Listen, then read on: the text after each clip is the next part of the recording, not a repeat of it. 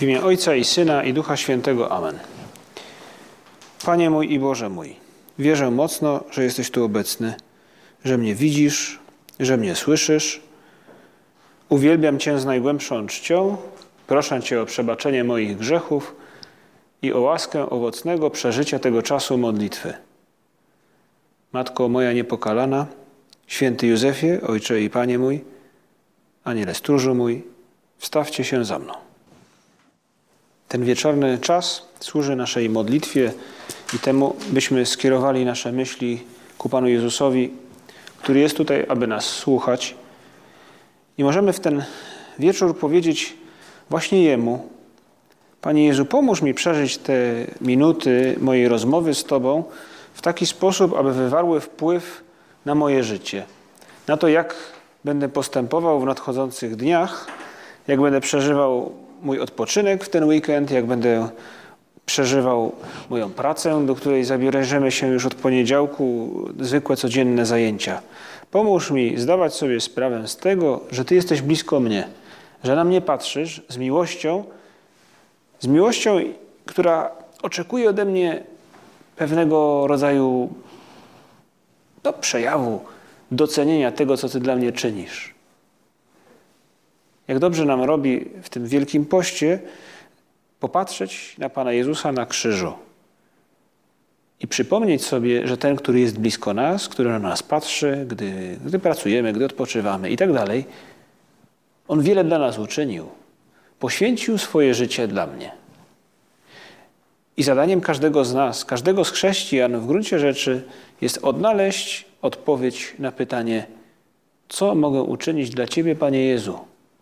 Czego ode mnie oczekujesz?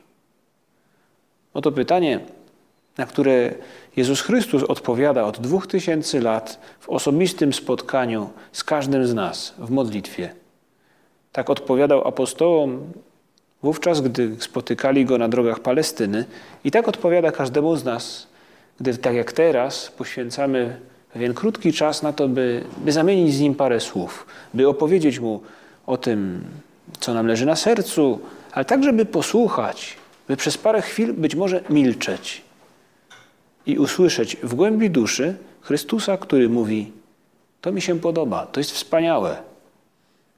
Albo zachęca nas może do wysiłku w jakiejś sprawie. Tak chcielibyśmy, Panie Jezu, przeżyć te chwile teraz i może i inne, które sami e, w naszej osobistej modlitwie, e, jakby, które inwestujemy każdego dnia, by z Tobą rozmawiać. Ten Wielki Post jest taką właśnie okazją, by poświęcić więcej czasu modlitwie, by poświęcić wielce, więcej czasu także takiemu no, starania, staraniu, walce z naszymi słabościami, abyśmy, gdy nadejdzie Wielki Tydzień, mogli powiedzieć: No, to będzie dobry Wielki Tydzień, ponieważ jestem przygotowany. Raz jeszcze przed moimi oczyma staną te sceny, w których Jezus Chrystus oddaje się za mnie. To będzie dobry Wielki Tydzień, bo przeżyję go bliżej Boga. I o tym mówi nam liturgia. Powtarza różnego rodzaju motywy, przypowieści, historie, które mówią nam z jednej strony o pięknie miłości Bożej, a także o pewnych sposobach walki, starania się bycia bliżej, bliżej Niego. I tak w tych dniach liturgia podsuwa nam historię, która jest historią z życia wziętą. Być może Ewangelia nie mówi, no nie, bez być może, po prostu nie mówi Ewangelia, że jest to historia oparta na faktach, ale możemy przypuszczać, że jest to historia, jakich wiele widział Jezus Chrystus w swoim życiu i która była znana słuchaczom, jego uczniom. To historia, opowieść o winnicy. Przypowieść, jak tytułuje to Biblia Tysiąclecia, przypowieść o przewrotnych rolnikach. Ale znajdujemy się, i dobrze jest tak znać kontekst tej historii, tego co się wydarzyło, gdy Jezus Chrystus opowiada o tej winnicy, znajdujemy się w ostatnich dniach Jezusa Chrystusa. Dopiero co Jezus Chrystus wjechał do Jerozolimy. Tak Ewangelia jakby wyprzedza pewne wydarzenia i już teraz podpowiada nam, co się będzie działo, aby pokazać nam tę scenę. Jezus Chrystus, który opowiada, mówi o winnicy i odnosi tę historię z życia wziętą do sposobu naśladowania Go, do bycia uczniem, do oczekiwania Królestwa Bożego. Jezus Chrystus wjeżdża do Jerozolimy. I wyobrażamy sobie tę scenę ludzi, którzy oczekują go, kładą płaszcze przed tym oślęciem, na którym jedzie, yy, wykrzykują Hosanna synowi Dawida. Jezus Chrystus wjeżdża do Jerozolimy i zaczyna nauczać w świątyni. Mówi o Królestwie Bożym. I stopniowo, stop, stopniowo, po trochu atmosfera się zagęszcza. Mówi coraz wyraźniej o sobie jako o Synu Bożym, co budzi sprzeciw władz świątyni i klasy saduceuszów, arystokracji ówczesnej. Burzą się uczeni w prawie, faryzeusze. Stopniowo atmosfera wokół Chrystusa się zagęszcza, stopniowo podejmują decyzję, aby go wyeliminować. I wśród tych można powiedzieć, starć Chrystusa, który wyrzuca także hipokryzję. Mm, fakt, że tak naprawdę Izrael odszedł po raz kolejny zresztą od Boga, od wyznawania wiary sercem y, i zamienił ją, czy przynajmniej duża część tych, przeciwko którym się wypowiada Jezus Chrystus, zamienili y, właśnie przygnięcie do Boga, do Boga całym swoim sercem Zamienili tę wiarę w wypełnianie jakichś zewnętrznych rytów, e, rytuałów, a wewnętrznie pełni byli oszustwa, e, zawiści, pychy. I w związku z tym zamknięci byli także na to, by odkryć, że Jezus Chrystus to Syn Boży, to Bóg, który stał się człowiekiem.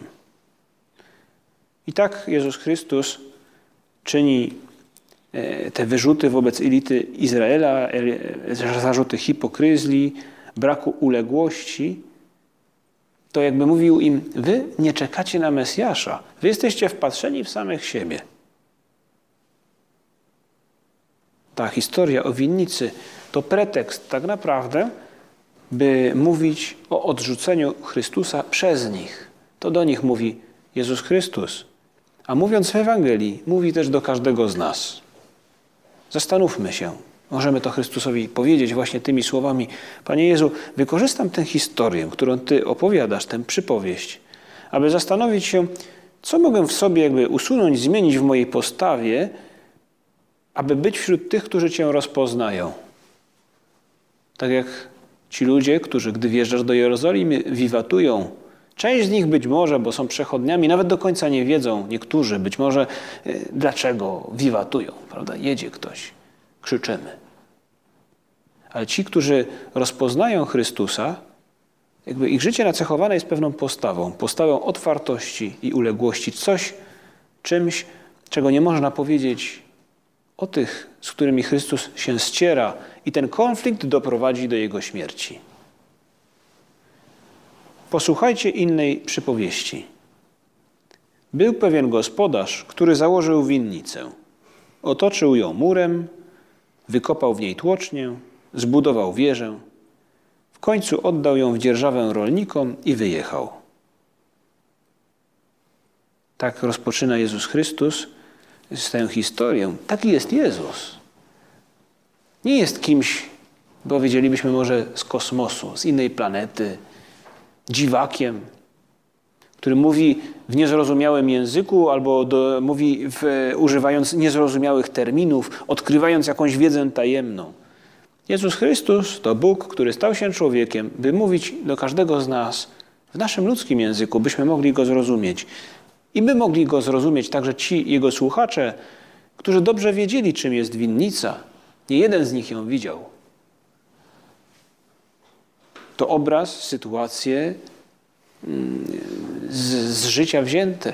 Któż z tych ludzi, którzy mieszkali Moglibyśmy tak trochę przesadnie powiedzieć, że na pustyni, prawda? No ale y, i dzisiaj przecież tereny Palestyny są terenami pustynnymi, niedostępnymi, suchymi, ze spękaną ziemią, ostami, które ją porastają.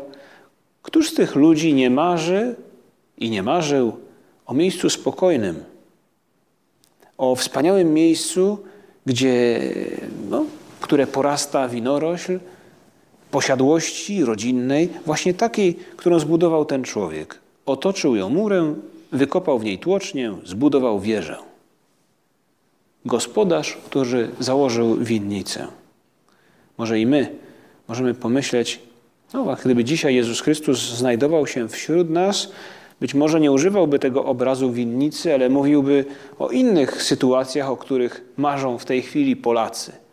Odnosiłby się może do, moglibyśmy powiedzieć, do wakacji w Chorwacji, prawda? Mówią, że Chorwacja była takim celem wypraw Polaków w tym roku. O nartach byśmy mogli wymienić kolejne doliny w Alpach, w których e, prawda, dobrze się zjeżdża na nartach. Być może dla niektórej, dla części naszego społeczeństwa takim obrazem idylli, marzeniem byłoby właśnie grillowanie na niesamowitej polanie. Albo dla niektórych prawda, sytuacją całkiem normalną i zrozumiałą, do której Jezus Chrystus, którą Jezus Chrystus mógłby wykorzystać w, swoich, no, w swoim nauczaniu, do której mógłby się odnosić, to skoki narciarskie. Cóż lepszego niż dobry polski sukces sportowy. Ale fakt jest, że Jezus Chrystus nie używa tych obrazów, bo one były obce tym, którzy go słuchali, ale w ludzki sposób odnosi się do tych marzeń, które mógł mieć właśnie taki człowiek pustyni, człowiek z Izraela, człowiek z Palestyny, winnica. Wspaniałe miejsce, wartość, można powiedzieć, posiadłość rodzinna.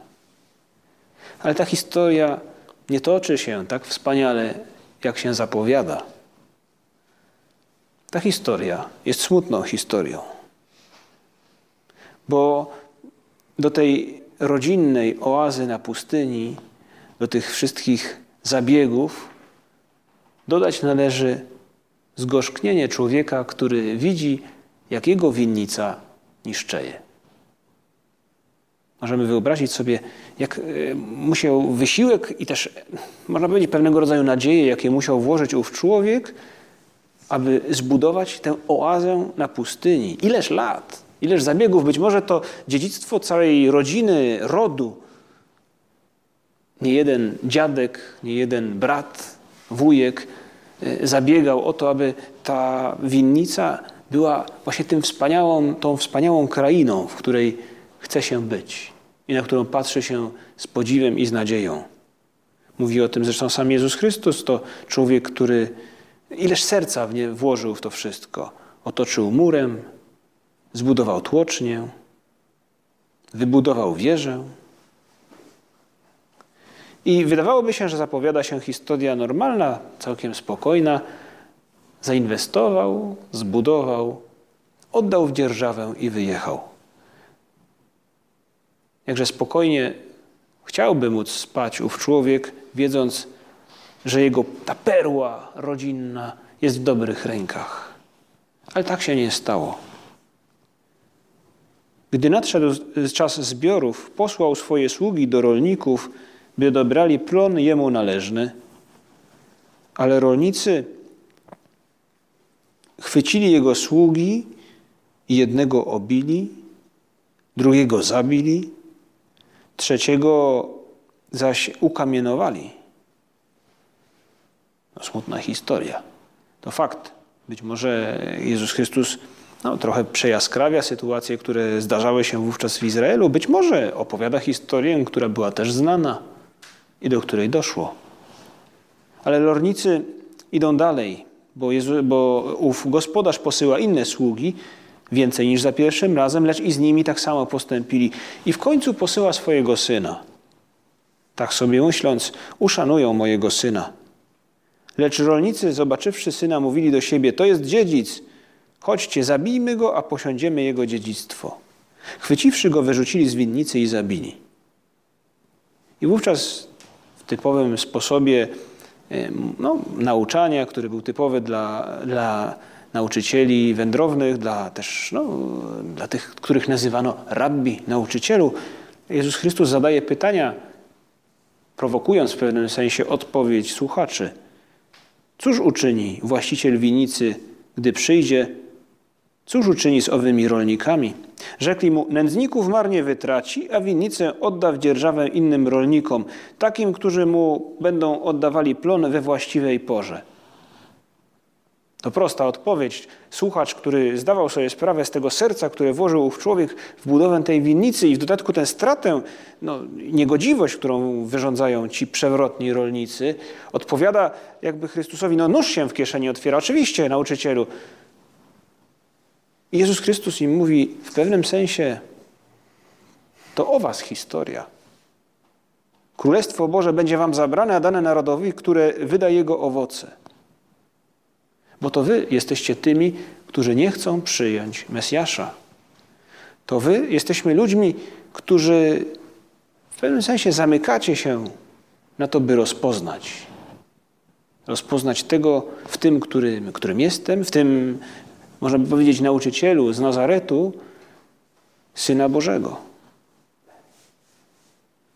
Twardość serca, opieszałość. W pewnym sensie te postawy w słuchaczach Chrystusa, przynajmniej w tych, przeciwko którym występuje, te postawy twardości serca i opieszałości powodują, że zbawienie ich omija. I to jest może to, co chcielibyśmy Panu Jezusowi dzisiaj my również powiedzieć, wyciągając wniosek z tej przypowieści, która, którą liturgia przedstawia nam, aby nas poruszyć. Panie Jezu, pomóż mi zmiękczyć tę twardość serca, pomóż mi być mniej opieszałym, Pomóż mi zareagować na to, co, te słowa, które do mnie kierujesz, pomóż mi je dostrzec i zareagować, aby zbawienie mnie nie ominęło, abym jakby zanurzył się w nim po uszy, z głową, aby dotknęło całego mojego ciała, całej mojej duszy, aby przeniknęło do mojego wnętrza. I takie postanowienie każdy z nas może dzisiaj podjąć, aby ten Wielki Post był właśnie taki. Uległy, uległy z sercem, które staje się coraz bardziej bliższe Bogu, coraz bardziej, no właśnie, y, mniejsza skorupa jakby je pokrywa, jeśli reagujemy na głos Boga.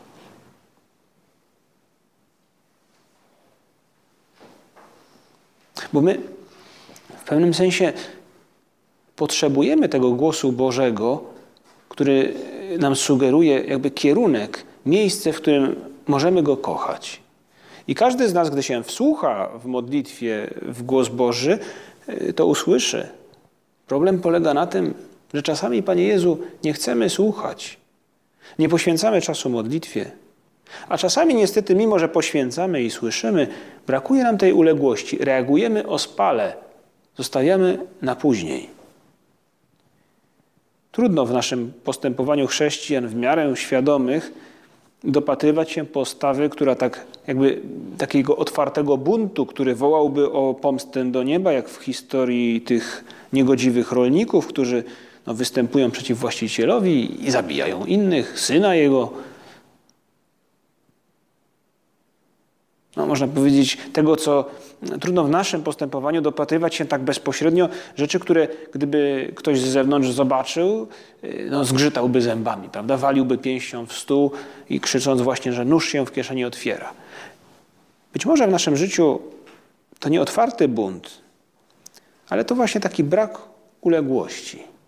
My dobrze wiemy, że są pewne ważne rzeczy, które powinniśmy podjąć, którymi powinniśmy się zająć, ale odkładamy je na później. Jakby, jakbyśmy puszczali mimo uszu e, informacje, przekazy, bodźce, które docierają do nas za pomocą kolejnych posłańców. Trochę tak jak w tej historii Izraela i w historii tych faryzeuszy, którym Jezus Chrystus tę właśnie twardość i ten brak uległości wyrzuca.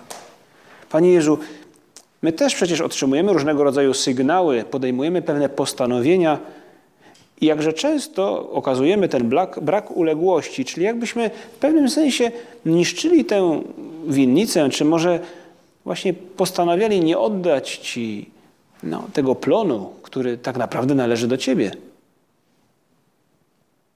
Gdy dociera do nas, że nadchodzi moment, by coś uczynić dla kogoś, pomóc komuś, uśmiechnąć się do kogoś, zareagować może mniej ironicznie niż nam to sugeruje jakby taki pierwszy odruch, no to właśnie Bóg Duch Święty w gruncie rzeczy, który nam coś sugeruje.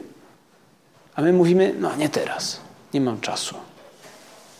Albo gdy mm, dociera do nas, może od pewnego czasu, może to w jednej chwili tylko, ale dociera do nas Bóg, który, sygnał od Boga, który mówi nam: zaangażuj się bardziej w życie modlitwy, w rozmowę ze mną, bo mam dla ciebie coś przygotowanego. Większą miłość, którą chcę cię obdarzyć, ona czeka na ciebie. Ale dotrze do ciebie, jeśli zaangażujesz się bardziej może nie tyle ilościowo, co z większym zaangażowaniem w modlitwę, by była ona głębsza, bez rozproszeń, by była przede wszystkim. Być może dotyczy to większego zaangażowania w umartwienie, które Bóg nam może sugerować teraz także w Wielkim Poście. Być może są to drobne w gruncie rzeczy sprawy, które trochę nas kosztują. I widzimy je, gdy się tak zastanowimy, właśnie teraz, jak teraz w ciszy, przed Przenajświętszym Sakramentem, widzimy je jako prośbę Boga do nas. Jakże trudno Mu odmówić, gdy Go widzimy na krzyżu, gdy spoglądamy na Niego szczerze w tabernakulum. Jakże łatwo wtedy prosić Go o uległość, o nieodkładanie na później decyzji, by uczynić to, co uczynić powinniśmy. Tak jak ci słudzy, być może nie byli złymi ludźmi, ale stopniowo takimi się stali. Z jakiejś kłótni z właścicielem, dyskusji między sobą, w ostateczności zrodziła się chęć, by zabić jego syna. I inne sygnały, które docierają do nas i które możemy puścić mimo uszu, gdy y, dociera do nas, że powinniśmy mniej narzekać, Albo gdy powinniśmy zabrać się do jakiegoś trudnego zadania, jakże łatwo jest powiedzieć nie teraz, po kolacji, e, po południu, teraz jeszcze zrobię coś innego. Papież Franciszek mówi o takiej sytuacji, w gruncie rzeczy człowieka podobnego do tych rolników, jako o sytuacji człowieka, który nie tyle mówi nie, bo taki otwarty bunt być może rzadko kiedy nam się zdarza, ale kiedy mówimy Bogu połowiczne tak. Tak, ale jeszcze nie teraz. Tak, ale po, po kolacji. Tak, ale tylko troszeczkę. I mówi papież, każdy z nas ma w gruncie rzeczy taką małą kolekcję połowicznych tak. Gdybyśmy tak pomyśleli, właśnie teraz, w Wielkim Poście, gdy przed nami ten obraz winnicy z rolnikami, którzy występują zbrojnie nawet przeciwko swojemu właścicielowi, tym buncie. A gdybyśmy postąpili na odwrót, radykalnie na odwrót i zamiast tej kolekcji połowicznych tak, zdobyli się na może galerię stuprocentowych pięknych gestów. W drobnych sprawach i w tych wielkich, ale gestów miłości wobec Boga.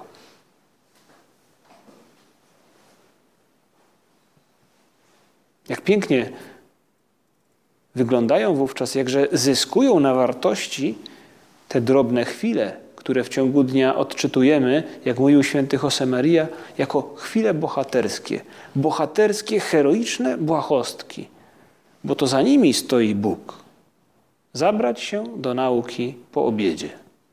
Odłożyć telefon, aby mi nie przeszkadzał przez jakiś czas, wtedy gdy się uczę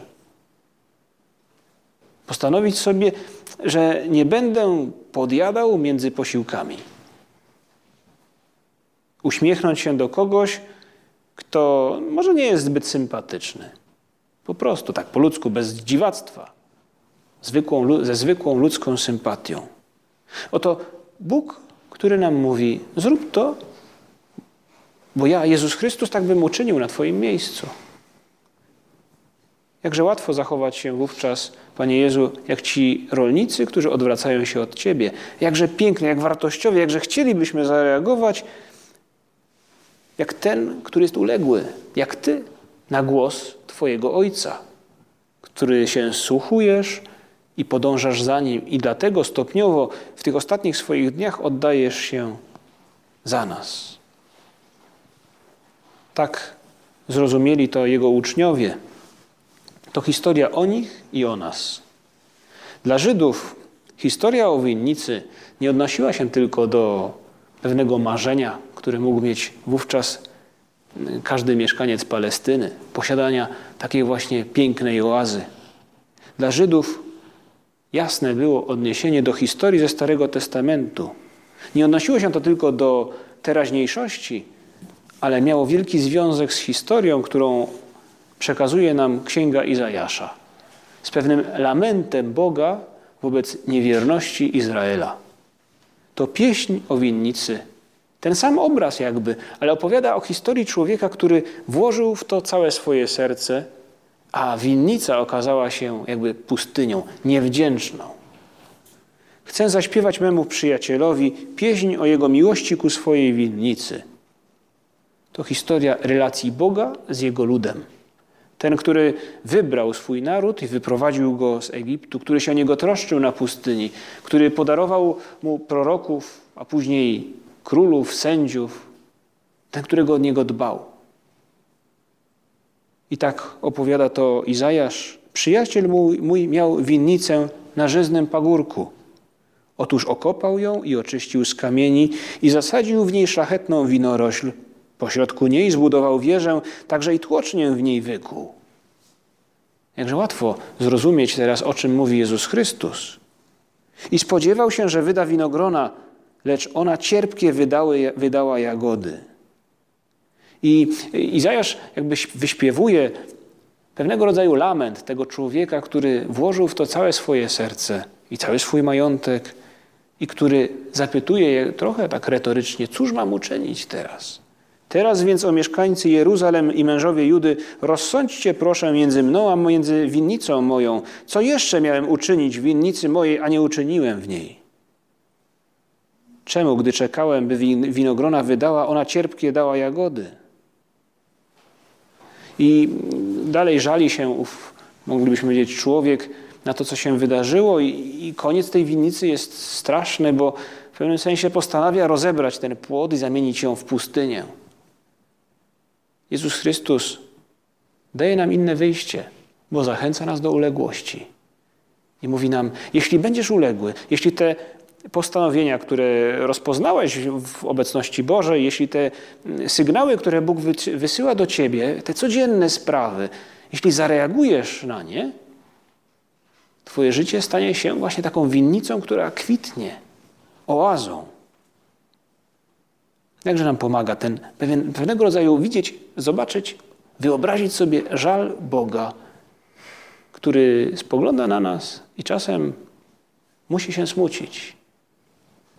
Jakże nam pomaga też, o czym przypomina nam papież w tym Wielkim Poście, pomyśleć o nadziei, pewnego rodzaju, jeśli tak można powiedzieć, nadziei Boga i też innych ludzi, którzy na, na nas patrzą i chcieliby dopatrzyć się w naszym postępowaniu stylu Syna Bożego, zachowania w stylu Jezusa Chrystusa. Ten żal i ta nadzieja są, jakby nas motywują.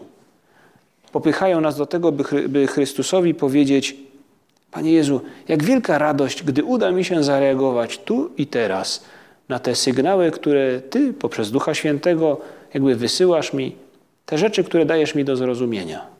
Jakaż radość, jakaż okazja, by zmazać być może nawet ten żal z niewykorzystanych sytuacji. Prosimy Cię, pomóż nam w tym Wielkim Poście właśnie żyć z taką uległością, by móc być bliżej Ciebie w Wielkim Tygodniu, by patrząc na Twoje, na to zbawienie, którego Ty dokonujesz, pozwolić, aby ono przeniknęło głębiej do naszej duszy. Pomóż nam w ten sposób móc rozpoznać Mesjasza w Tobie, rozpoznać w Tobie Syna Bożego, Boga, który nas kocha nieskończenie. I o to też na koniec prosimy Matkę Bożą, Najświętszą Maryję Pannę. Pomóż nam, Matko Nasza, być realistami. Nie ma idealnych, doskonałych sytuacji. Święty Josemaria mówił, mówił, i o to prosimy Najświętszą Maryję Pannę, byśmy potrafili zareagować tak, jak nam to sugeruje. Mówił tak, albo potraficie, będziecie potrafili odnaleźć Boga w zwykłych, codziennych sytuacjach, albo będziecie potrafili odnaleźć Go teraz, albo nie odnajdziecie Go nigdy. Matko nasza, pomóż nam poznać to teraz i pomóż nam teraz zareagować. Pomóż nam teraz, nie odkładając na później, kochać Twojego Syna i innych ludzi. Dzięki Ci składam, Boże mój, za dobre postanowienia, uczucia i natchnienia, którymi obdarzyłeś mnie podczas tych rozważań. Proszę Cię o pomoc w ich urzeczywistnieniu. Matko moja niepokalana, święty Józefie, Ojcze i Panie mój, Aniele stróżu mój, wstawcie się za mną.